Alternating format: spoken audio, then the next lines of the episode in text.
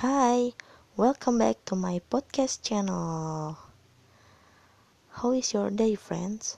Um, I hope everything is good, yeah. Okay, so in this episode, I wanna talk about some channels YouTube that make your speaking, especially English language, is more increased. Okay, let's check it out. The first of all, I will tell you about the channels YouTube that you should watch it. The first is channel YouTube from Naila Farhania. The spelling is Naila, N A I L A Farhania.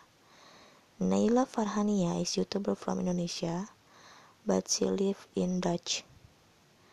Why I choose it? because this channel is very easy for beginner to learn English speaking. Many more phrases that you can use it in a daily life. And the language is more modern compared with the English language that we know before. And the second is channel YouTube from engVid or Learn English Video.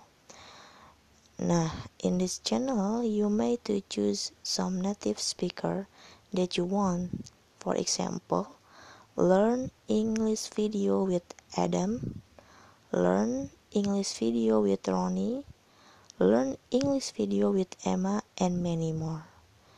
This channel is more talk about grammar that I know, but it's very good for beginner and the all speaker use English language so that's it about information about the channels youtube. You must watch it for beginner to learn english speaking especially.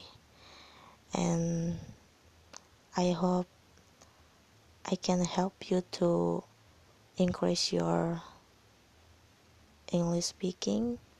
And thank you for listening my podcast channel today and see you soon. Thank you. Good night.